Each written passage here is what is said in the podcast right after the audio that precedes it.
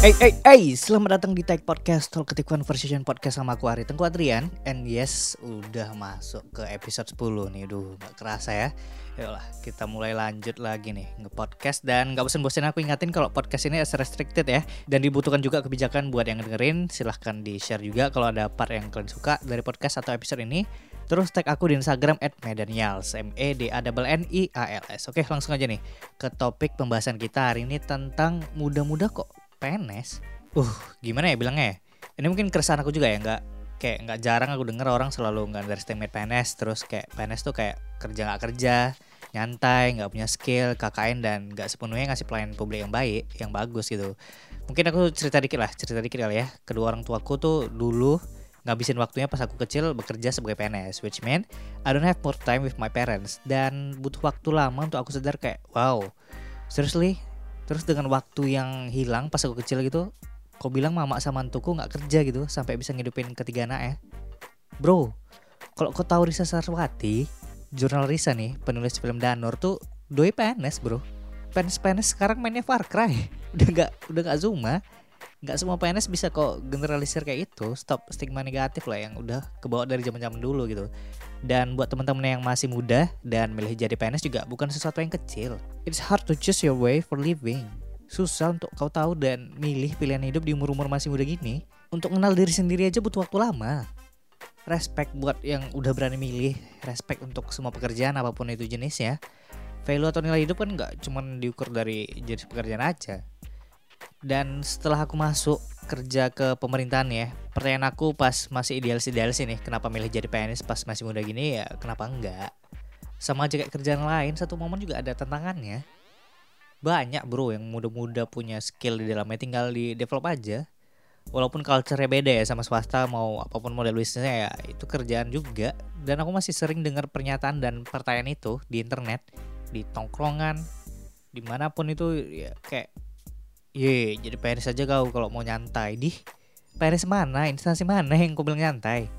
Dan tiap kali statement itu keluar di Twitter, di internet atau di mana pun rame bro, rame yang reply buat nge-counter attack itu. Tapi ya itu point of view aja ya, karena aku nggak bisa kasih gambaran lebih jelas juga lebih detail karena bukan PNS meskipun aku kerja di instansi pemerintahan, cuman aku nggak bisa kasih gambaran jelas strict tuh apa yang ada terjadi atau mungkin apa yang dirasain apa yang dialamin uh, PNS PNS muda ini pas mutusin untuk milih jadi PNS gitu ya dan rasanya relevan kalau aku undang ngobrol di podcast ini seorang PNS muda di kantorku masih terbilang muda lah untuk jabatan yang sekarang ya dan aku kenalnya pas ada satu liputan untuk programnya dan namanya Mbak Bonita kita langsung telepon aja kali ya nih kita sekalian kenalan nih Assalamualaikum warahmatullahi wabarakatuh. Sekarang udah ada Mbak Bonita. Halo Mbak.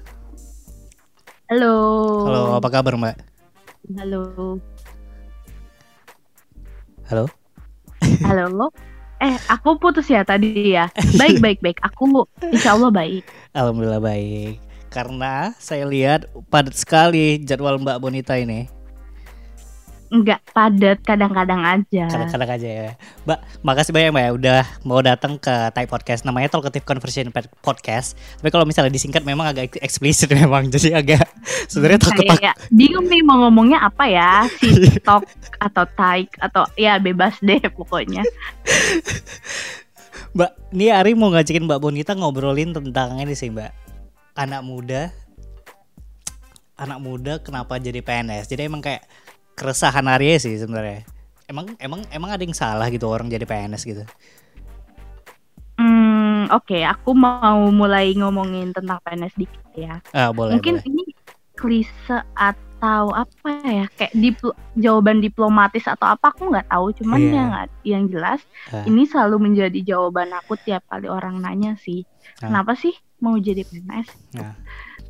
Menurut aku ya, pekerjaan di mana itu sama aja mulai dari nilainya, mulai uh. dari uh, nilai pekerjaannya ya, hmm. nilai pekerjaannya, jenis pekerjaannya yang hmm. kalian pada akhirnya kerjain itu pun menurut aku tuh sama aja gitu loh. Jadi hmm. dari awal pun waktu aku mau masuk PNS ditanya, e, kamu kenapa mau masuk PNS? Salah satu jawabanku adalah ya PNS kan salah satu jenis pekerjaan. Jadi menurut hmm. saya bekerja di mana saja sih ya sama aja buat saya gitu.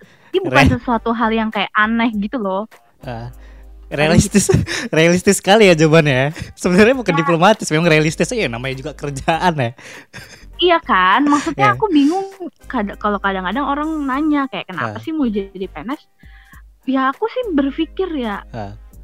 mau lo dikerja eh kerja di mana pun Ah. selama emang bisa eh, lo nya juga bekerja dan baik dan Iya. benar ya itu akan menjadi pekerjaan yang baik dan benar juga gitu. Eh benar benar benar. Jadi menurut aku nggak ada bedanya tuh misalnya Ah. aku kerja PNS atau aku nggak kerja di PNS gitu. Menurut aku ya ya udah itu emang apa ya salah satunya ya menurut aku ya, Ah. itu jalan hidupku aja gitu. Mungkin gara-gara ini kalian mbak apa namanya komparasi gengsi gitu. Jadi kalau misalnya di kantor bahkan kantoran orang kantoran orang kantoran negeri sama swasta kayak beda kali tuh komparasi ya. Lihat nih Ya, aku nih di swasta nih. Nih. Ada lagi yang komparasi orang kantoran sama freelance. Lihat nih aku bebas, nggak ada bos, nggak ada aturan, aku bebas. Cuman terpaku sama satu KPI aja dan segala macam. Mungkin karena itu ya komparasi gengsi itu ya mbak ya. Nah iya jadi menurut aku ya kenapa ha- harus dipertanyakan gitu. Karena ya. aku merasa orang-orang terlalu mengotak-ngotakan, terlalu meng-compare ini dan itu, Hmm. sedangkan ya mohon maaf nih sorry itu saya aja menurut aku. Eh kalau aku mau compare ya nih Hmm. kalau aku mau compare lagi Hmm. kerjaan PNS dan atau teman-teman aku yang mayoritas itu di swasta ya udah sama aja gitu. Nah, gimana ya sama aja. jadi gitu sih. Beban buat aku kerja. ya ini kamu kalau nanya sama aku memang agak kok ini orang realistis banget sih nggak ada jawaban yang lebih bagus apa. Tapi menurut aku emang kayak gitu. Ya kenapa? Why? Aku kayak masih nggak pernah kepikiran sih kenapa sih PNS? Iya kayak kayak jelek kali gitu. Emang emang sehina itu jadi PNS. Kayaknya kayak enggak lah. Kayak semua orang I do respect to some people yang emang dia kerja 9 to 5 walaupun sebenarnya Ari dulu nggak Hmm. pernah ngebayangin bisa kerja di kantor pemerintahan yang sekarang ini Ari masuk ini ya, ya Mbak ya. Cuman kayak ah finally pas Ari udah dateng kerja di dalamnya terus ngerti gitu. Oh, kayak semua kerjaan sama ya sih. Emang aku Nah, pengen dan- ngejar ngejar tenang aja gitu. Bukan dalam artian tenang nggak ada kerjaan di di kantor ya enggak ya, tapi maksudnya Hmm. kayak ya sama aja sih kayaknya. Ari pernah freelance, pernah apa semua segala macam di PH juga ya sama aja pressure juga. Mm. Tapi Mbak Ebon ya, Mm-mm. kan kalau misalnya kita lihat perspektif orang melihat PNS, ya betul juga sih. Tapi dari zaman ke zaman tuh beda-beda. Kalau rasa Ari ya, kalau rasa Ari, ya Dasar isi Stig- stigmanya tuh beda-beda. Karena kalau Mm-mm. misalnya ada orang bilang ah PNS kerja nggak kerja, ya gitu-gitu aja. Tapi pas begitu Oke. di, tapi pas begitu dilihat di Twitter, di Instagram, pas begitu ada statement itu keluar, oh itu banyak kali tuh PNS-PNS yang nge-reply, oh itu PNS mana mbak? Kok saya kerja terus ya 24 jam, rapat sampai malam, audit sampai pagi segala macam. Gimana jadi PNS hari ini mbak? How's, how's living life being a PNS hari ini gitu? Sebenarnya Oke. yang Mbak Bon jalani. to be honest ya Ah.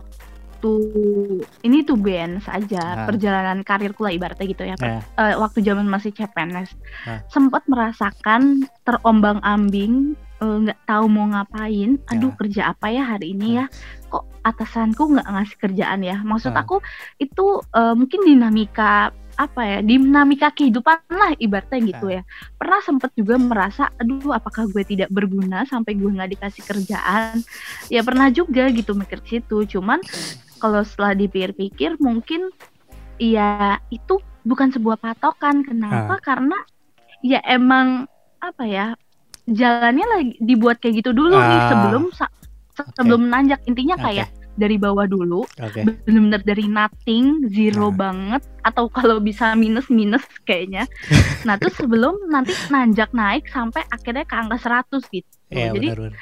hmm, nih aku aku memang belum punya gimana ya bisa dibilang aku nggak punya pengalaman di swasta tapi Ah. seenggaknya sebelum aku masuk jadi PNS pernah beberapa kali bisa dibilang eh magang dan freelance lah ibaratnya gitu ya Ah. Nah, di situ tuh ya ya gimana ya kerjaan ya udah kerjaan gitu aja Di Kayak ya, pernah ya? waktu itu eh, sempat kerja eh, freelance di Kompas gitu Java Jazz. kerjaan sama Oh bukan, bukan. Oh, bukan. Ini Java Jazz tuh kayak volunteer sih, Oh, lebih volunteer. kayak eh, by event gitu. Oh, nah kalau oke. ini tuh kerja di kantor Kompas. Hmm. itu majalah apa ya?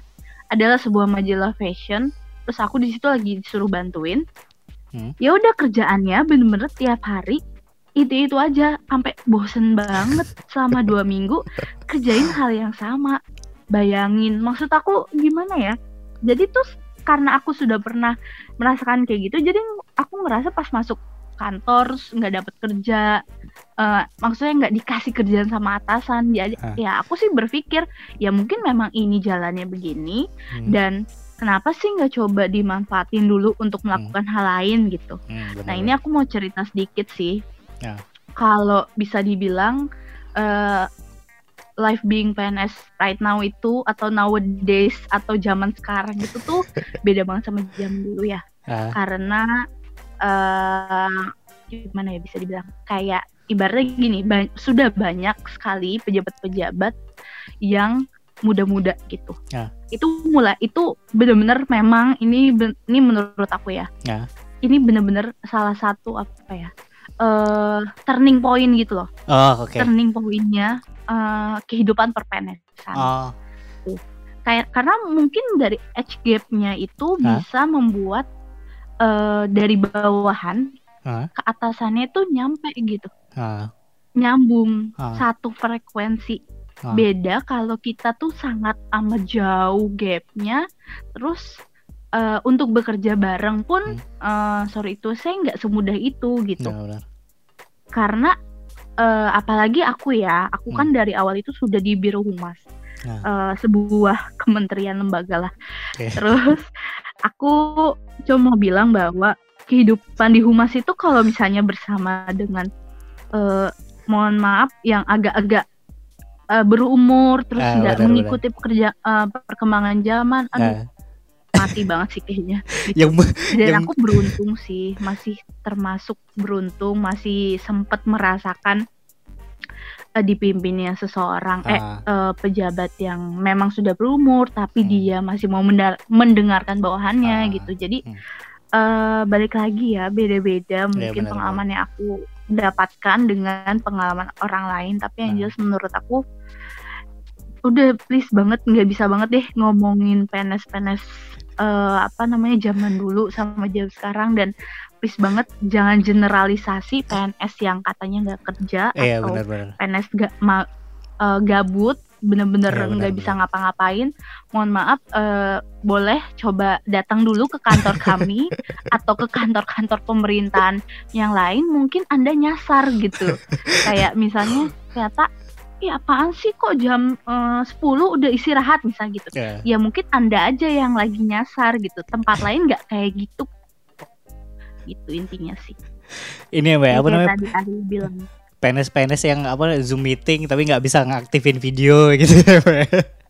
Aduh. Ini ini menurut aku ya Ah. susah memang. Gimana ya? Kita tuh nggak bisa loh mengeneralisasi sesuatu. Kenapa? Iya. Karena jujur aku selalu sakit hati kalau Ah. ada yang bilang apaan sih gabut. Ah, paling abis ini ke tamcit. Ah, Hmm. paling istirahat makan siang ke tamcit. hmm. Pulangnya udah sore. Eh udah absen pulang lagi gitu kan. ke, ke tanah abang beli kain ke tanah abang beli Iya baju kan? Iya kan, maksud aku apa ya? Iya please dong stop generalisasi. Aku Ya. paling benci kadang-kadang tuh kayak orang tuh mengeneralisasi apa yang dilihat ke orang lain terus dipers- disamakan untuk orang yang lainnya gitu. Jadi eh aku bisa bilang maaf banget kalau PNS sekarang itu gak semuanya seperti Nggak yang semuanya kalian benar, bayangkan. benar benar. Karena jujur aja ya, ini buat teman-teman yang ngedengerin podcast ini, Ari sama Mbak Bonita itu kerja di sebuah instansi pemerintah yang sering dicap ngesensor-sensor dan ngeblokir-blokir. Nah, itu kan berhubungan dengan teknologi dan informasi. Dan ya kalau misalnya ada PNS yang masih nggak bisa buka video pas Zoom meeting kan ya sebenarnya ya udah Pak sini Pak saya ajarin Pak. Saya kasih tahu ya Pak ini. Cuman kalau misalnya dilihat orang kan wadidaw juga apalagi yang yang Iya, apalagi yang udah pejabat-pejabat yang aduh pejabat-pejabat yang udah tinggi lah gitu tapi kalau misalnya masih kayak gitu asistennya tuh yang paling diincar tuh kayak gitu tapi gini loh, Ah. eh, Ri, menurut aku ya. Ah. eh, kenapa sih kita ini sebenarnya udah masalah ini sih masalah stereotip bukan Iya, masalah benar, apa-apa benar. sih benar-benar masalah stereotip aja maksud aku misalnya nih kalian eh, lihat deh ke swasta seumur umurnya maksudnya gini misalnya pun manajer lah manajer ternyata udah 50 ke atas atau gimana mungkin aja dia juga iya, agak benar, benar. gaptek maksudku Iya benar benar. iya emang generasinya berbeda Iya, satu benar, benar, kedua ya balik lagi gitu gimana kitanya juga kan Ah, apakah benar, benar. kalau misalnya di tempatnya Ari misalnya banyak Hmm. yang kayak gitu Hmm. eh, buka eh, video aja nggak bisa tapi belum tentu loh di tempat Iya. aku ada yang Iya kayak benar gitu benar. gitu Benar benar. Kayak Pak Basuki aja HP-nya masih HP yang ini kan nggak bisa Pak Basuki Nah, itu- itu tuh lucu banget sih emang cerita Pak Basuki aku pernah denger tuh kayak ya udah guys kita tuh nggak bisa memaksakan segala sesuatu tapi kalian juga Tapi kerjanya perlu bagus. mem- Kerjanya Apa? bagus. Kerjanya bagus walaupun HP-nya itu lucu banget Iya. ya ampun emang Pak Basuki love lah pokoknya Pak Basuki Bon, love you, Mbak Bon. Mbak Bonita Mm-mm. apakah datang dari keluarga yang PNS juga? oke ini lucu ya Jadi jadi soalnya gini, soalnya soalnya gini kalau misalnya kalau misalnya Ari ngekompara kalau misalnya Mbak Bonita tadi bilang ngekomparasi dari zaman dulu sama zaman sekarang, kita harus lihat dulu nih Mbak Bonita udah berapa lama di PNS dan apakah Mbak Bonita had- hadir datang dari keluarga PNS kan ngaruh juga jadi indikator juga. Iya ya oke. Jadi gini, eh ini lucu sih. Mungkin Nah. tadi sempat kelewat aku ceritain juga. Jadi kalau ditanya juga kenapa sih mau jadi PNS? Eh mohon maaf nih, coba eh, mungkin ini bisa menjadikan sebuah survei ya. Tanya satu-satu, uh semua PNS se Indonesia ditanya. MPS ya. Jadi kenapa alasan utama kalian menjadi PNS? Eh? Pasti faktor utama satu adalah orang tua. Orang tua. Iya. Kenapa? Karena orang tua itu eh ini di otak mereka ya. Iya iya iya benar benar. benar. mayoritas orang tua itu di otak mereka adalah, duh PNS adalah pekerjaan yang sangat amat stabil. Udah kalian jadi PNS aja." Gitu. Kayak ibaratnya zona aman banget gitu loh. Iya benar Nah, benar. Nah, kalau ngomongin orang tua aku, sebenarnya ibuku sebenarnya memang PNS. Hmm. Mungkin ayahku juga ngelihat berkaca dari ibuku yang yang stabil dari dulu gitu-gitu aja Di- bukan gitu-gitu aja apa ya ya intinya hidupnya stabil lah nggak yang Settle kayak nggak ada goncangan apa-apa hmm. alhamdulillah Hmm. nah mungkin mulai dilihat dari situ dari situ jadi dia dia juga pengen Hmm. anaknya ada yang nerusin nih Ya. punya kehidupan yang cukup stabil karena Hmm. ya kita nggak ada yang tahu ya Hmm. tahun 98 aja krisis gitu Iya benar sih benar. Dan maksud pandem aku gitu. Dan pandemi gini pun ya PNS juga terguncang juga. Nah, that's right. Maksud aku, eh, tapi seenggaknya aku bersyukur banget sih Ya. eh, Ri, jadi PNS ini karena at least pendapatanku, Hmm. walaupun bisa dibilang berkurang ya, Hmm, seenggaknya kamu tuh masih ada gitu loh, Hmm, benar benar benar benar. masih ada. Ah. Sedangkan eh, maaf banget aku hari ini aja tadi baca berita eh, banyak layoff di Iya, benar. beberapa perusahaan raksasa gitu. Hmm. raksasa digital yang udah unicorn mohon, mohon maaf banget nih kayak udah intinya eh, kehidupan kita sebagai ASN atau PNS-an ini tuh kayak salah satu yang paling apa ya stabil lah dan kalau bisa disyukurin aja gitu Hmm. walaupun mungkin masih te- banyak tempat lain sih yang lebih stabil juga kayak Iya. misalnya ya kayak operator atau Iya, apa benar-benar. gitu cuman banyak sih cuman eh, kita nggak tahu intinya bersyukur aja lah di perpenesan Iya, per ah. ini tuh salah satu yang masih stabil lah intinya gitu Tapi nih kadang di luar ini kita bukan merasa bersyukur, merasa better, merasa lebih baik gitu rezeki kita enggak. Tapi maksudnya kayak kayak ada krisis apa segala macam ya berarti kita udah tahu nih ke depannya kalau misalnya terjadi lagi kita harus ada langkah ini itu ini itu option A B C D. ya itu tadi aku bilang ri maksud Ya. aku gini loh sekelas unicorn kamu tahu sendiri kan dia berapa nilai investasinya Yang terbaru yang punya Indonesia sendiri kan? Iya betul, Ya. unicorn yang Indonesia gitu. Maksud aku kelas itu aja bisa layoff uh, pegawai gitu. Hmm. Gimana ya, Ri? Menurut aku itu win-win solution banget sih. Iya. Bisa Hmm. dibilang win-win Hmm. solution banget. Hmm. Memang bagi orang-orang yang merasa gue nggak bisa nih terancam Hmm. hidup gue. Oh iya gitu. benar-benar. Gue banyak nih kebutuhan, tapi ya itu udah apa ya? Rahasia umum lah intinya Iya, gitu. Kalau masalah gini-ginian ya. Karena kalau misalnya dilihat kalau udah oh, perusahaan nge off berarti udah option paling terakhir kali tuh. Aduh itu udah udah Wah gawat itu berarti. mm. Dan mohon maaf nih tadi aku baca berita eh, hampir 500 orang. 500 orang. Hampir 500 orang itu lumayan banget loh. Hampir 500 orang. Dan, Dan itu menurut aku itu kayak jujur ya, aku pas baca tuh kayak miris gitu loh. ya Kayak ya Allah, ini alhamdulillah ya. aku jadi PNS udah gitu dah. Ngomong dalam diri, alhamdulillah ya Allah gitu. terus kayak Salah mikir satu yang benar-benar paling stabil meskipun ya berkurang juga sih, Ah. tapi udah nggak apa-apa segini aja Iya. udah cukup kok.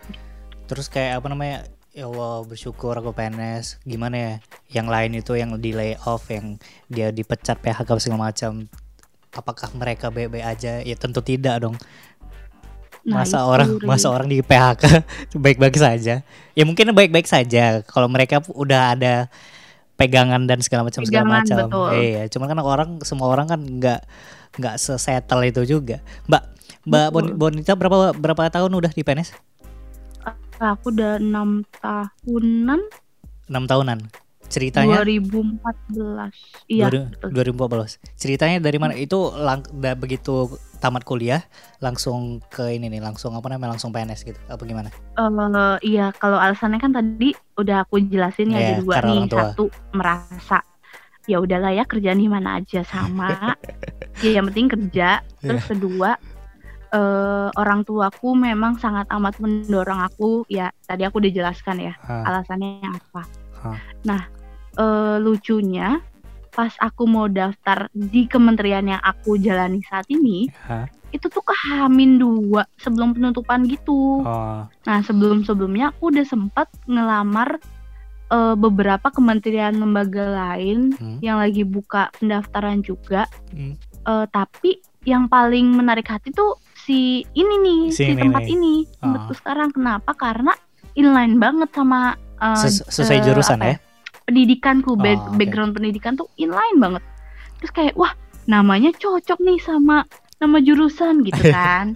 Terus ah udah ah nyobain ah iseng Hah. seiseng itu beneran Ah. maksud aku nggak ada yang bener-bener pengen banget ya masuk Ah. sini gitu Ah. ya alhamdulillah sih rezeki ya Ya, ya dan eh, ini aku pengen agak ngasih motivasi dikit aja kali ya jadi Oke.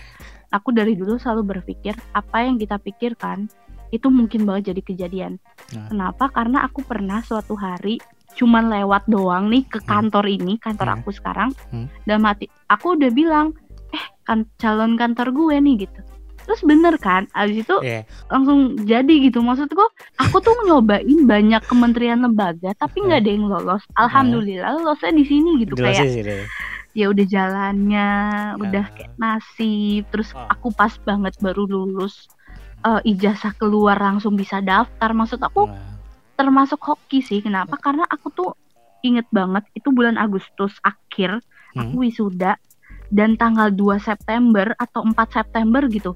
Itu penutupan ini Hmm. Penutupan. penutupan apa? pendaftaran CPNS dan pas banget itu tuh baru keluar jadi kan pas wisudan dapet tuh ijazah kan Ah. langsung aku ambil langsung buat daftar kenapa karena kalau ikut CPNS CPNS gitu harus pakai ijazah gitu-gitu kan Nah. dan harus asli gitu Hmm. Eh, harus ada eh, apa sih yang legalisir legalisir gitu nah aku tuh Hmm. pas banget udah ngurusin udah akhirnya lancar aja Hmm. gitu daftar terus tiba-tiba lolos kenapa Gitu pilih sih. Kenapa pilih kominfo mbak? Apakah per- ada ada ada tiba-tiba off- nyebutin merek. Tiba-tiba nyebutin merek. Nggak apa-apa nggak apa-apa canda Suka. canda. suka kelepasan memang hari kalau misalnya di podcast ini. Tapi kalau misalnya di podcast kantor kan tidak bisa saya menyebutkan sembarangan cuman di sinilah saya Baik, sebebas baik. sebebas bebasnya baik. Kan ini mbak mbak Bonita kan sekarang di kominfo nih. Kita sebut L nggak apa-apa ya. Mbak mbak Bonita kan pilih kominfo. Kenapa pilih kominfo? Apakah ada selain yang mbak bilang tadi ya udah udah apa udah daftar di kementerian lain terus nggak keterima apa karena memang pernah kebayang sih karena karena jujur ya mbak ya di satuan kerja hari di yang sekarang ini ya, ada yang mikir kominfo tuh dia kayak kantornya Tony Stark tau nggak? Apa apa? Kan- Tony Stark. Eh kok kantornya Tony Stark secanggih itu. Karena namanya karena namanya kan udah teknologi informasi dan komunikasi terus kayak dia Mm-mm. dia ngebayangin kantornya tuh kayak Tony Stark terus kayak teknologinya canggih-canggih apa segala macam. Ternyata begitu dia masuk. Oke I see. Itu dia ini. Anda harus mengelola ekspektasi Anda. Ini lu udah kebiasaan ketinggian berarti ekspektasinya ya? Ternyata cuman kubikel doang. Sumpah kesel banget sih ini. Luar biasa. Kesel banget kubikel doang lagi Iya. Di tempat hari kubikel, tapi kan di tempat Mbak Bonita kan Woy. santai santai sekali workspace ya. Eh di lantai berapa sih itu yang yang keren? Yang anak-anak DTS? Lantai satu. Yang anak-anak DTS yang yang ini Apa? ya? Yang anak-anak DTS, oh, DTS ya? DTS lantai lima, tapi itu baru. Tapi baru renovasi ya Mbak? Iya baru itu. Oh.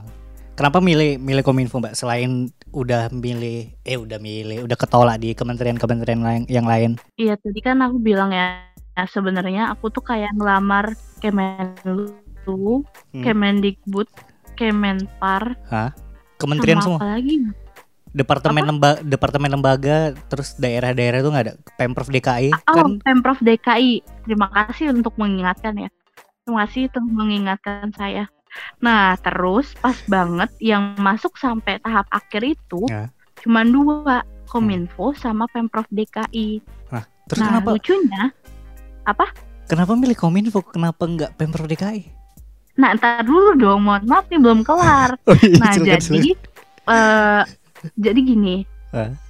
Aku kan aku tadi udah sempat bilang juga ya, uh. aku tuh orangnya kalau mikirin di otak aku apa, uh. insya Allah tuh kejadian gitu. Uh jadi waktu jadi gini, salah satu impianku juga kalau aku uh, masuk jadi PNS itu, aku pengen nerusin S2 sama aku pengen keliling Indonesia. Hmm. Nah, aku mikir dong, wah kalau gue di Pemprov DKI, mohon maaf nih, kerjaan gue di DKI doang, nggak bisa nih keliling Indonesia gitu kan. Karena aku emang suka banget kan traveling. Kebetulan kayak di dalam otak aku kepikir ya Allah kalau bisa uh, jangan lolos pemprov DKI karena mamaku tuh pengen banget sebenarnya aku di hmm. pemprov DKI karena hmm. mamaku di situ kan sebenarnya hmm. hmm. tapi aku tuh nggak pakai jalur dalam beneran nggak hmm. nggak pakai jalur dalam sama okay. sekali jadi memang uh, pure aku tes semuanya aku tes uh, lolos hasil kerja keras sendiri sampai tahap akhir nih nah karena mungkin karena di otak aku udah kayak gitu ya jadi waktu wawancara pemprov DKI entah kenapa kayak aku udah yakin aku nggak lolos Denny gitu. Hmm. yakin banget gak lolos. Nah waktu mau tes uh, kominfo itu tuh kayak pede banget sepede itu kayak duh padahal jawaban aku maksudnya biasa aja nih aku jawab uh, tuh kayak gini nih kayak kita uh, lagi interview kayak uh, gini kita lagi podcast aja gitu kayak apa adanya. Karena kemarin apa mau jadi PNS yeah. iya karena orang tua saya jujur aja nih pak karena orang tua. Kedua karena ya menurut saya kerja di mana aja sama kok gitu. Sejujur itu aku uh, di sana. Maksudnya nggak yang kayak wah aku pak saya keren banget loh pak atau menunjukkan prestasi apa. Enggak biasa aja. Uh, karena nah. kemarin karena kemarin pun Mbak Mbak Bonita juga cerita pas Mbak Bonita kan dapat beasiswa nih S2 di Inggris Leicester ya. Uh -uh, betul. Dari, dari kantor ya. Terus cerita hmm. kemarin pas interview beasiswa itu ya kayak gini juga gitu ya. Aku tuh orangnya gak pernah yang ngada-ngada gikan diri tuh gak pernah banget sama sekali malah hmm. geli gitu kalau misalnya nah. aku nggak pernah ngerjain itu tapi aku ngeklaim itu aku nah, tuh nggak bisa kayak gitu makanya hmm. selalu apa adanya dan alhamdulillah orang-orang yang mendengar aku apa adanya mungkin merasa oh nih orang jujur nih gitu. Mungkin ngelihat nah, kali ya, ya benar, benar, orang benar, jujur nih gitu. Iya, mungkin ya dan beruntung faktor beruntung itu menurut aku nggak akan pernah lepas dari hidup kita sih. Yeah. kamu mau ngapain? Kalau kamu nggak berusaha dan nggak punya keberuntungan menurut hmm. aku ya bakal mati-matian hmm. gitu tapi oh, emang tapi mau seberuntung apa pun pasti ada aja mbak kerikil nah kalau misal kita ngomongin kerikil mbak ya. Mah ngomongin kerikil ya. Cobaan hidup lah bilangnya. Cobaan hidup. Karena kan pasti di satu satu momen satu momen kita ngelihat teman kita yang sumuran kita terus dia udah punya perusahaan valuasi ya miliaran. Terus teman kita punya jabatan yang tinggi di yes, perusahaan yes, swasta yes, dan segala yes. macam. Apakah pernah kepikiran Mbak Bonita tuh resign dan pengen ngejar itu juga atau Mbak Bonita udah aku di sini aja nih aku bisa kayak gitu tapi di sini gitu oke ini jujur-jujuran lagi aja ya. ya jadi pernah suatu ketika kita lagi ngobrol aku nggak lagi ngobrol nih sama teman-teman aku eh, hmm. eh guys uh, gaji kalian berapa sih Ya, aku nanya nih sama mereka, Hmm. iya gaji gue ya minimal dua digit nih temen-temen Ya. aku rata-rata sekarang udah minimal dua digit lah Hmm. gajinya Hmm. Eh, per bulannya ya itu. Hmm. Terus habis itu aku mikir dong, loh gila enak banget ya. Padahal kita kerja, eh, maksudnya aku mulai kerja, mereka mulai kerja, tapi kok bisa gaji aku nggak setinggi itu ya? Aku Hmm. tuh sempet- gue tuh sempat mikir kayak gitu ri. Jadi Hmm. sempat kepikiran, duh eh, tapi kan gue PNS ya emang kayak gini jalannya mau diapain gitu kan. Ah. Terus pernah lah suatu ketika merasa tuh kerjaan gue banyak banget tapi kok gini-gini aja ya hidup gue ya. Kok nggak ada yang tantangannya gini-gini aja Nah, kayak bosen gitu. Terlalu- sebosen itu terus ngeliat temen-temen gajinya mohon maaf udah dua digit hmm. terus tiba-tiba teman-teman kalau lagi ngomongin eh iya nih bonus tahunan udah turun. Sedangkan mohon maaf boro-boro bonus tahunan kadang-kadang juga nggak dapet bonus lah intinya gitu kan. Gitu. Jadi kayak pernah lah ada di momen-momen kayak gitu ya. titik terendah Ah. kayak merasa aduh ya ampun kok kerjaan gue kayak gini terus Hmm. belum lagi mohon maaf sorry to say PNS sangat amat diremehkan banyak orang Yes, benar. eh, diremehkan dalam arti karena ya itu generalisasi yang kayak merasa ah PNS nggak bisa apa-apa, ah PNS mah gini gitu, gini Hmm. gitu gitu. Sedangkan ya mohon maaf nih kita banding dari jam 9 pagi lah sampai kalau bisa setelah maghrib baru pulang gitu Hmm. untuk benar-benar bekerja full di kantor gitu kan. Jadi aku merasa kayak sia-sia ya kerjaan gue udah gitu gaji nggak gede eh, kerjaan juga kayaknya kok zong banget dibanding teman-teman aku yang uh klien meeting apa presentasi apa terus Pitchingan. ketemu sama pejabat apa gitu kayak ya aku mengcompare diri aku sama mereka gitu Hmm. jatuhnya ya apalagi sama teman-teman deket itu down banget sih ya pasti Hmm. pernah gitu Hmm. tapi alhamdulillah ini aku agak promo dikit Ya. tiba-tiba eh, suatu ketika pokoknya ada teman yang ngajakin eh ayo gimana kalau kita berkomunitas intinya gitu Hmm. nah pas aku masuk komunitas di situ ternyata aku melihat teman seperjuangan per PNS-an lah intinya gitu Ya. ya per PNS-an ini tuh ternyata aku punya banyak teman perjuangan yang Hmm. kegelisahannya sama yang intinya satu visi misi lah Hmm. gitu. Nah dari situ aku kayak bangkit, ngerasa kayak oh gue nggak sendirian kok tenang. Oke Hmm. gue paling eh, sendirian di antara teman-teman deket eh, dari teman-teman S1, S2 mungkin karena salah cuman apa ya segelintir lah yang jadi PNS gitu. Tapi Hmm. ternyata bisa nyari tempat lain kok teman-teman seperjuangan gitu. Nah alhamdulillah tuh ketemu teman seperjuangan terus buat komunitas ya udah eh, langsung jadi kayak dari demotivasi langsung eh, termotivasi lagi gitu karena Ya. mereka ini gitu karena aku melihat oh ternyata nggak nggak lo doang kok yang kalau Ya. merasa nggak dihargain kerjanya atau nggak merasanya kok gini ya kerja jadi PNS ya diremehkan orang banyak Hmm. tapi ya mereka tuh mengingatkan aku bahwa kita harus bangkit guys kalau kayak gini terus ya sama aja kayak PNS-PNS zaman dulu ibaratnya gitu loh Nah, nih eh, bahasa kasarnya kayak gitu ya. Jadi sama mereka sih eh, cukup membuat aku bangkit lagi dari bener-bener down banget sempet kayak kepikiran apa ya alternatif pekerjaan yang kira-kira bisa aku ikuti sampai titiknya pun waktu aku S2 sih. hmm. Jadi eh, waktu aku S2, aku di situ memang sudah cukup bertekad sebenarnya pernah bertekad bahwa pulang dari sini gue harus lebih baik lagi dari sekarang. Dari maksudnya untuk lingkup pekerjaan ya. Hmm. Pulang dari CS2 ini aku harus bisa bekerja lebih baik lagi lah intinya gitu. Hmm. Nah, itu jadi ada beberapa titik fasenya sebelum eh, kuliah dan Hmm. setelah kuliah pun ada kok titik-titik kayak down banget kayak merasa gak berguna banget sih ya ampun bego banget gue kali ya gitu. Atau nggak merasa duh ya ampun kok orang-orang udah keluar negeri dinas apa ya ampun aku bisa keliling Indonesia aja udah alhamdulillah gitu. Ibaratnya kayak gitulah. Intinya kayak terlalu banyak komparasi dengan orang lain jadi down down sendiri. Hmm. tapi alhamdulillah sempat ada yang ibaratnya bisa menolong Hmm. salah satunya teman-teman aku seperjuangan lah ibaratnya gitu ya Hmm. nah ya udah bangkit lagi sebenarnya kalau misalnya jadi, jadi sebenarnya kalau misalnya jadi PNS mbak kalau misalnya jadi PNS mm -hmm. serealistis apa mbak tantangannya sebenarnya mbak karena kan kita kita aduh ini hari paling benci kali kata-kata ini birokrasi ya mbak ya mm -hmm. tantangan di dalam tuh sebenarnya apa mbak Uh, jujur aja aku pun dari S1 nggak suka birokrasi ya. Maksudnya uh. waktu itu kan aku kuliah di Unpad nih. Hmm. Terus kayak di Unpad kan kayak birokrasinya juga PNS banget lah ibaratnya gitu hmm. ya. Hmm. Ya aku benci banget. Aku tuh pernah kayak agak me, apa ya maaf banget ya Unpad tapi sebenarnya sayang kok. Nah aku tuh pernah kayak uh, kayak mengumpat gitu loh kayak uh. apaan sih nih birokrasi ribet. Gue masih ke sini gue masih hmm. ke sini buat surat sana buat surat sini.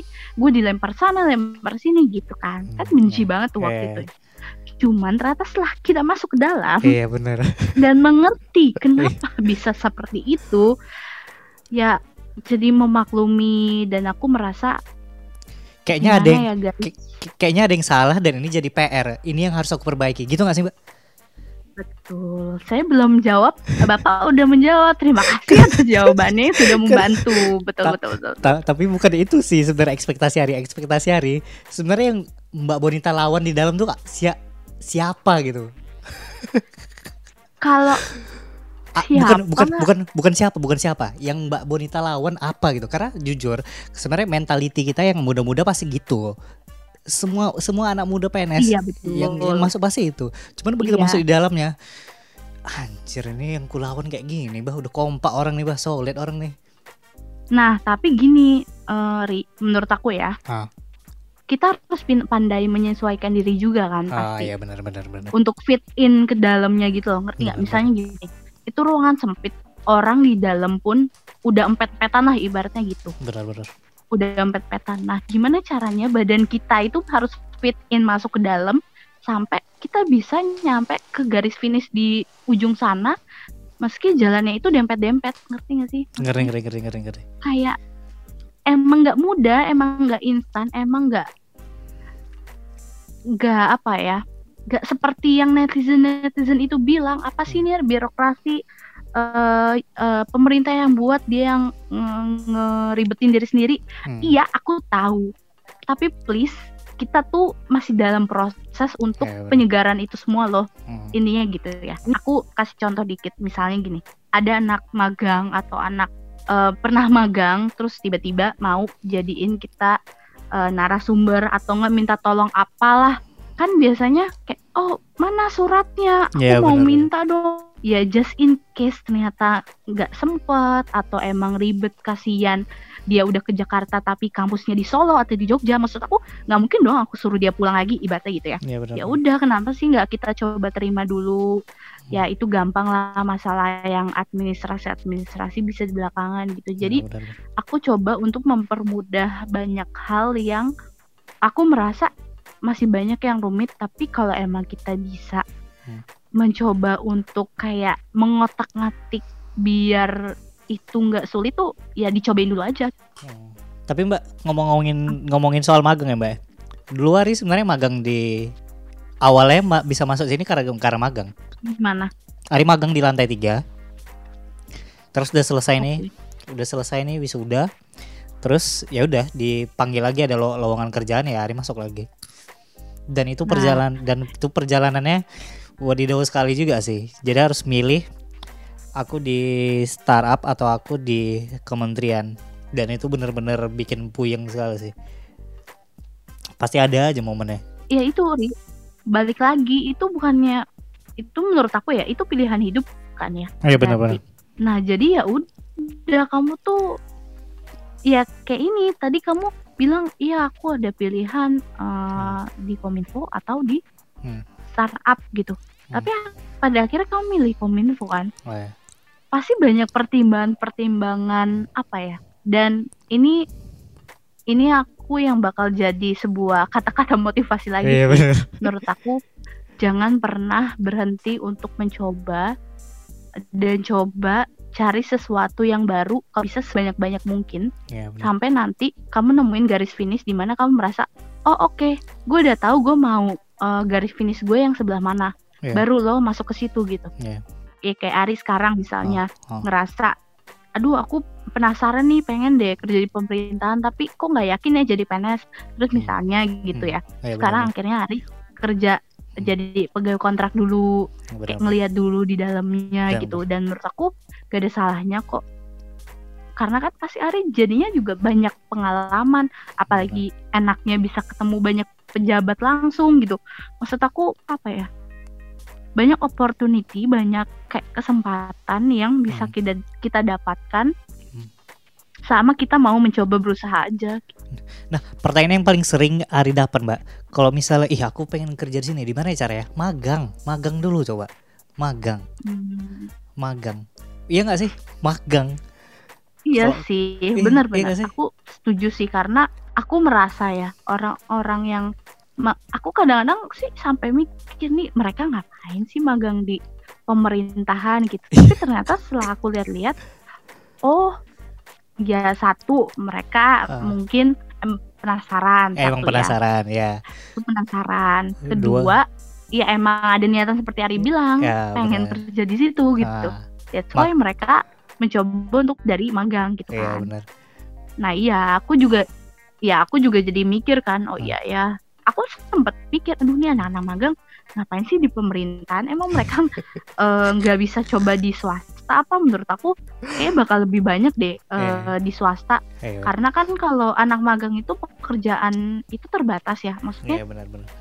kita nggak mungkin lah eh, memberikan pekerjaan anak magang yang berat-berat gitu Iya benar-benar. jadinya nggak akan seberat itulah makanya pasti yang santuy-santuy kerjaannya sedangkan kalau kamu di swasta sangat amat mungkin langsung digeber gitu kan Iya benar. ibaratnya gitu sebenarnya kalau misalnya jadi PNS setelah enam tahun, iya enam tahun ya, enam tahun, Hmm. enam tahun Mbak Bonita jadi PNS, unpopular opinion yang banyak orang nggak tahu apa sih Mbak? bentar dipikir dulu unpopular opinion Iya benar. Karena kan, ya karena, karena kan kalau misalnya kita lihat pemerintah daerah sama pusat beda tuh. Pemerintah Iya. pu- pemerintah pusat aja sesama pemerintah pusat aja tuh kadang berbeda juga. Mulai dari culture, Oke. mulai dari sistem, mulai dari atasan dan lain-lain. apa ya eh gini menurut aku aduh aku takut sih sebenarnya tapi ya udahlah ya apa adanya aja ya guys Iya. nah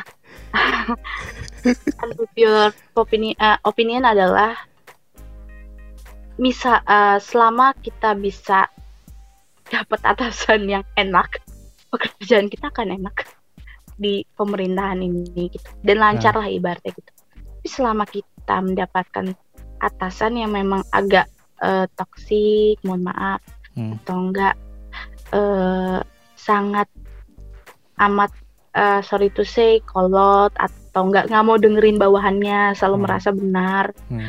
dia tidak mau berkembang juga gitu Hmm. ya mohon maaf nih kalian juga bakal stuck gitu Hmm. jadi kalau di pemerintahan emang solusinya satu sih Hmm. atasan juga Hmm. ini tuh yang bisa aku bilang ya aku tak salah ngomong aja. Padahal padahal ekspektasi Hari mau tahu apa jawabannya Mbak? Apa? Kerja di kementerian nggak sekeren itu. tapi Hari punya tapi, tapi tapi punya alasan, Mbak. Tapi Ari punya alasan. Karena kalau Oke. misalnya kalau misalnya Ari kad- kadang pulang ke Medan, wih, anak anak kementerian nih, wih, keren kali nih kerja di kementerian, bro. Nggak sekeren itu, bro. aku mengerti maksud kamu dan aku sangat memahami banget maksud kamu. Ibaratnya gini, rumput tetangga itu selalu hijau, benar. selalu lebih hijau, sorry. Benar. Rumput tetangga itu selalu lebih hijau. Jadi dan menurut aku ya, kita nggak bisa apalagi kalau udah orang tua yang ngomong ya, misalnya Hmm. orang tua Ari ini bangga banget nih, wah Ari udah bisa kerja di pemerintahan gitu, terus dia bangga banget. Ya menurut aku eh apa ya?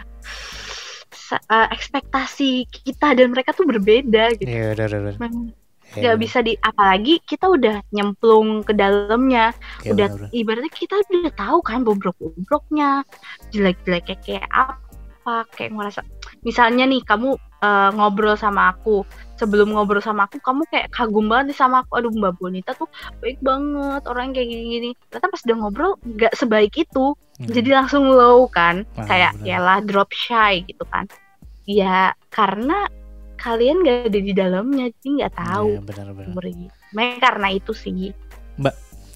hmm. Dengan Mbak 6 tahun jadi PNS, tipikal pasti ada, pasti ada aja tipikal PNS yang Mbak pengen tak ih gitu. ada gak sih Mbak? ada dong banyak Wow, salah satunya. selain birokrasi ya Eh, salah satunya, Karena salah satu aku- aja. karena aku nggak suka birokrasi aslinya Hmm. haha, tapi jadi PNS nah jujur aku nggak suka birokrasi tapi di satu sisi aku berpikir gimana ya lo kan PNS terus masa sih lo nggak ikutin ibaratnya gitu Eh, bener, jadi kayak ya udahlah ya mau nggak iya. mau kita harus mengikuti yang ada Oke. tapi selama kita bisa mencoba fleksibelkan diri kita terhadap sesuatu kayak atasanku sekarang nih ada eh, sebuah keputusan apa dari atasan terus ke atasan level hanya eselon 2 tuh kayak bilang udah kita santuy aja santuy ya udah kita santuy kan jadi Hmm. itu salah satu apa ya patokan sih. Jadi kalau emang eh, jadi gini sebenarnya tuh banyak nih jujur lagi deh kayak nggak semua birokrasi itu seketat itu guys. Oke, Intinya gitu ya. Bener. jadi masih bisa kok kita coba agak lenturkan dikit. Hmm. kita cari celah-celahnya kita bisa masuk ke dalam walaupun kalau bisa tetap please jangan kelewatan gitu. Karena aku Hmm. pun sebenarnya nggak terlalu suka orang-orang yang kelewatan Hmm. jadi aku pun kalau coba untuk fit in ke birokrasi yang ada tuh aku coba untuk cari celahnya terus kayak melentur ibaratnya melenturkan diri dulu tapi Ya, beradaptasi lagi gitu loh Ya benar-benar. itu salah satunya sih dari yang paling utama kayaknya sih. birokrasi guys Memang kayak sama sih konser kita. Mbak, tapi ini Ari kan udah sebenarnya udah masuk ke tahun kedua nih ke kerja pemerintahan dan Ari ngelihat kayak wah ternyata begini ya setelah Ari masuk dan ke dalamnya tapi Ari masih belum masih belum ada apa namanya masih belum ada keinginan gitu keinginan untuk jadi PNS gitu sebenarnya kenapa harus PNS mbak ini eh, jawaban buat Ari yang mungkin merasa "Aduh, Masih ide- mas- pengen jadi PNS Itu. masih idealis gitu ya mbak ya masih idealis ya? iya masih Ya, idealis. Eh, dan buat teman-teman saya yang kerjanya kritik kritik aduh PNS kok gini gini gini. Coba guys coba bantu untuk berkontribusi sedikit gitu. Jadi menurut aku gini loh untuk meng- eh, kalau ada sebuah ke apa ya ketidaknyamanan ke keresahan gitu. Nah cara salah satu cara yang ampuh untuk mencoba eh, mengobatinya adalah kamu coba masuk ke situ. Eh benar benar benar benar benar benar. misalnya kamu merasa aduh apaan sih nih pemerintahan zaman sekarang? Kok gini sih? Kok covid dibiarin ini dibiarin? Nah terus kamu mer- misalnya merasa kayak intinya kurang banget lah nih pemerintah ini. Nah salah satu cara memperbaikinya adalah Masuk coba kalian masuk kalian deketin tuh pejabat-pejabat kalian yang merasa "Eh, ini berpengaruh ini bisa nih buat setidaknya membuat lebih baik sedikit aja. Benar, benar. karena ya aku percaya gitu emang gak ada yang instan di dunia ini. Benar, semua tuh harus diubah sedikit Se- kayak ibaratnya orang ngejahit mulai dari satu jahitan. Buat jadi baju jahitannya tuh sampai jutaan ribuan gitu. Hmm, benar. kamu harus tetap emang harus jahit satu-satu gitu. Jadi menurut aku kalau kenapa sih harus jadi PNS lo pengen buat eh, merasa eh, apa ya di dalam situ ada sesuatu hal yang pengen lo perbaikin coba lo masuk dulu ke dalamnya nah lo perbaikin walaupun nggak gampang nggak gampang bener-bener nggak gampang sama sekali apalagi kalau udah jadi PNS tuh sangat amat mungkin idealisme lo itu udah terkuras Ya benar benar. udah hilang itu mungkin banget tapi cobain dulu aja gitu menurut aku apa ya dengan menjadi PNS setidaknya mencoba untuk memperbaiki masa depan bangsa aja sih guys ini maaf kalau bahasanya terlalu diplomatis Terlalu tapi diplomatis menurut aku please uh, small step matters gitu loh Oh, aku iya. selalu berpegang pada hal itu sih Nah kalau misalnya ini udah udah masuk kita nih, udah masuk kita ke PNS, biar settle. biar Caranya, settle iya, settle settle, biar settle, Mm-mm. biar biar bertahan punya karir bagus kayak apa mbak? Karena saya melihat tadi pagi saya kaget sekali, wah kagum saya lihat Mbak Bonita hari ini dilantik. Jangan begitu. Gak tapi it's it's it's a pleasure. It's it's apa ya? It's an honor bisa ngobrol dan mungkin ini interview pertama Mbak Bonita setelah dilantik gitu. Fix jadi pejabat gitu. Dalam artian dalam apa ya? dari segi administrasi udah jadi pejabat negara lah gitu. Kalau sebelumnya kan staf biasa ya Mbak. ya? Apa gimana? Ya secara administrasi ya. Ya, secara administrasi. Tapi tapi kan pasti ada kayak "Ih, Mbak Bonita apakah masih Mbak Bonita yang sama kah dia setelah jadi punya kursi gitu. Mbak sebenarnya kalau misalnya udah masuk ke dalam PNS terus mau settle biar punya karir bagus, apa yang harus dilakuin? Apa yang harus dijaga? Apa yang harus ditargetin? Apakah aku harus ambis itu? Apakah aku harus realistis ini? Ini menurut aku. Jadi gini kalau aku lihat ya, Hmm? eh, dinamika perpenasan ini memang tricky sih. Tricky. Tricky pertama eh ada beberapa faktor. Satu pendidikan. Eh, terus kedua juga kegigihan Anda eh, menghadapi atasan Anda gitu. Nah, menurut aku mungkin eh, salah satu faktor utama tuh pasti tetap pendidikan ya. Kenapa? Hmm. Karena eh siapa sih yang misalnya nih sorry to say misalnya nih Hmm. ada bawahannya udah S3 terus Hmm. ternyata pejabatnya hanya S1 misalnya gitu ya. Hmm. Kan eh, itu jomplang ya. Jadi Hmm. pasti eh, kemungkinan besar salah satu faktor utama tuh pendidikan juga. Jadi Hmm. selama kamu eh, minimal S2 tuh rata-rata ya. Nih aku nggak bisa bilang ini sebuah jaminan, tapi rata-rata Hmm. Yang sudah S2 itu setidaknya diberikan kesempatan untuk mengembangkan karirnya. Ini bahasa Oh, per- halusnya kayak gitu ya. Hmm. Itu satu. Kedua, faktor lainnya adalah kegigihan, kegigihan kamu gitu. Kenapa? Karena aku merasa ada temen aku baru empat tahun kerja, dia udah Hmm. dapat jabatan eselon 4.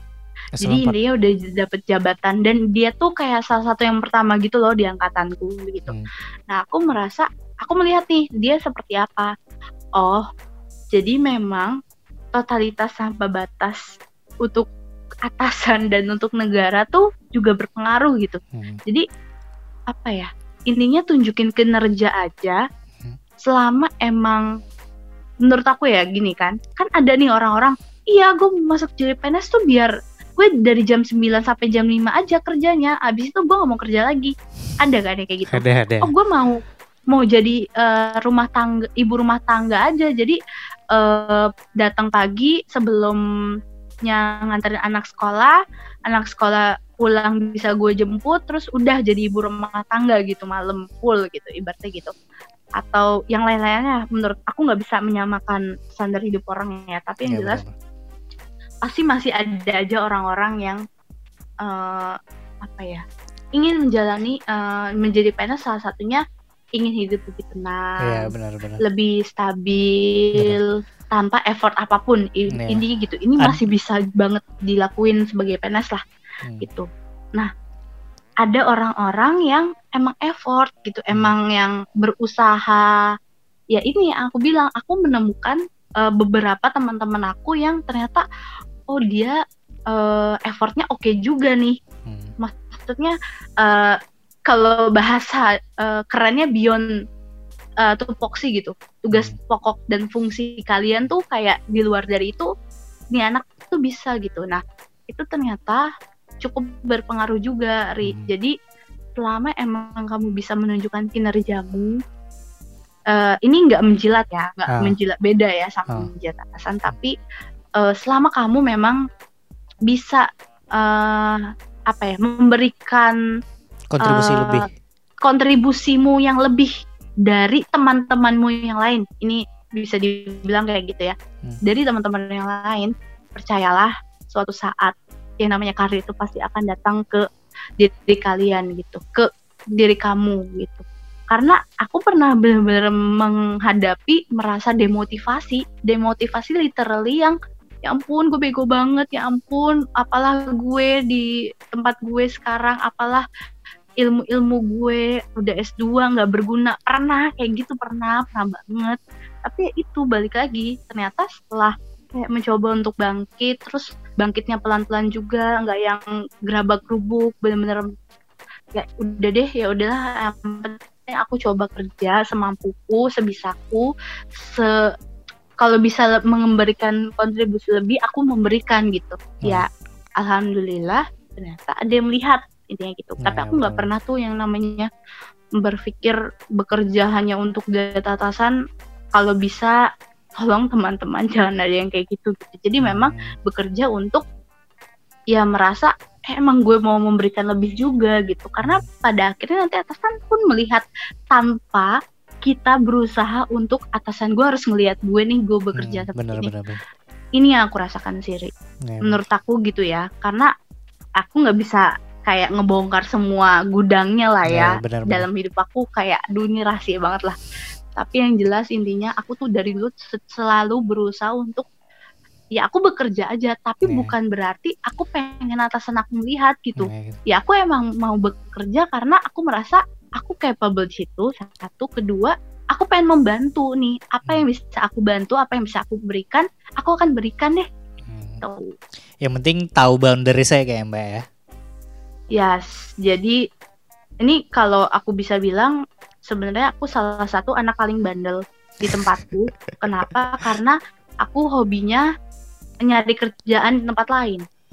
Karena aku merasa tempat lain tuh banyak uh, apa ya banyak kesempatan yang menarik. Kayak ini contoh ya penelitian aku ikut beberapa program. Jadi intinya aku ngebantuin teman-temanku di program-program lain bisa gitu. nge-cover ya, kalau ditawarin aku nggak pernah nolak. Karena aku merasa gue capable kok di situ. Yeah. tapi aku nggak pengen tuh sebenarnya kayak atasanku ngelihat aku kerja hmm. apa dari pagi sampai malam kah atau gimana. Aku tuh sebenarnya nggak suka kayak gitu. Tapi hmm. ternyata mereka melihat gitu dan ada yang melihat gitu tanpa aku sadari yeah. dan tanpa aku paksakan untuk mereka harus melihat gitu jadi balik lagi sih kalau menurut aku yang penting ikhlas guys dan Mbak Bu dan Mbak Bonita pernah jadi host di satuan kerja saya. Nah itu maksud aku intinya adalah kalau bisa ada opportunity di Pake sebelah aja, ya, mana, pakai aja. Kalau ya. bisa jangan disisiakan dulu, apalagi hmm, kalau itu bisa menjadi sebuah uh, pengalaman. Yes. Mohon maaf nih, sebelumnya saya mana pernah saya jadi host kayak ya ngomong aja belepetan gitu, salah-salah gitu kan. Jadi aku merasa hmm, kalau ada kesempatan untuk belajar lebih, walaupun itu bukan di tempat kita. Nah sih kenapa enggak ya benar-benar mbak ini banyak sekali ini topik-topik yang kayak masih bisa hari hari tanyain lagi tapi udah hampir satu jam. Nggak kerasa satu jam. Dan kita ini kalau misalnya teman-teman yang dengerin podcast ini kita tappingnya jam tengah malam nih. Ini saya ganggu banget nih. Tapi makasih ya mbak Ebonita udah santuy. Mau... interview pertama nih setelah eh jangan gitu dong. Iya, aduh iya. aku aku nggak mau terlalu yang gimana bener, bener. San, aku bakal tetap sama kerjaanku. Kalau orang-orang bilang aduh Bon abis ini lo bisa dispo dispo anak buah lo dong. Mohon maaf sekate-kate banget nih orang-orang nih.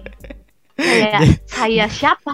Aja santai aja. Kayak ya Padahal, ya aku nggak bakal ada ya, sesuatu bener, bener. yang terlalu signifikan ya, sih karena ada aja orang yang begitu udah dapat ini langsung dia uh lihat nih aku lihat nih aku lihat pencapaian iya, kayak aku, ada aja.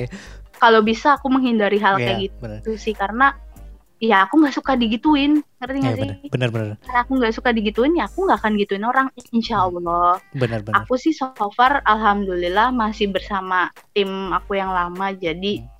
paling agak ada perubahan dikit lah nggak yang terlalu signifikan gitu dan banyak PR kayaknya Mbak ya yang banyak dikerjain Mbak Mbak Monita ini biasanya biasanya di podcast ini ada games dikit boleh ya top of mind boleh boleh boleh jawab cepat aja oke okay.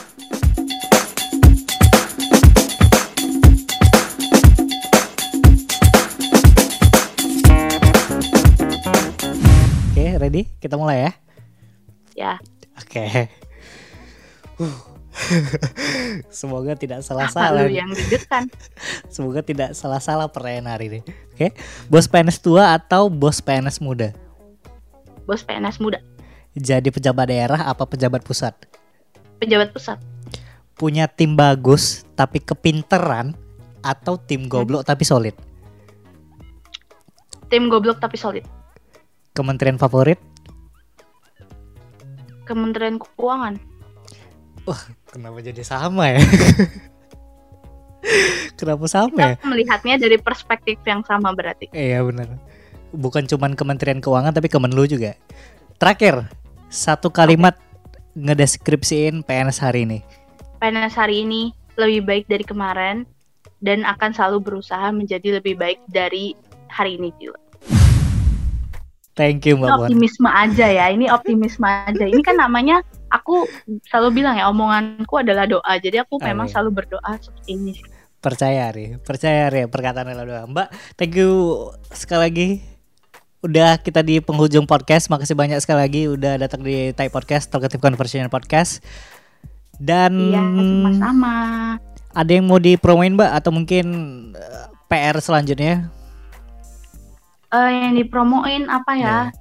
Yang aku lihat dari belakangan ini beberapa minggu atau apalagi semenjak COVID ini kayak terlalu banyak orang yang meremehkan pekerjaan sebagai PNS. Padahal kalau kalian melihat itu mereka gerabak gerubuk ngurusin COVID sampai eh, ngurusin pengurangan anggaran lah, program jadi hilang lah gara-gara COVID ini anggarannya eh, buat masyarakat gitu. Maksud aku banyak pengorbanan PNS yang sebenarnya dilakukan, tapi mungkin kalian nggak tahu.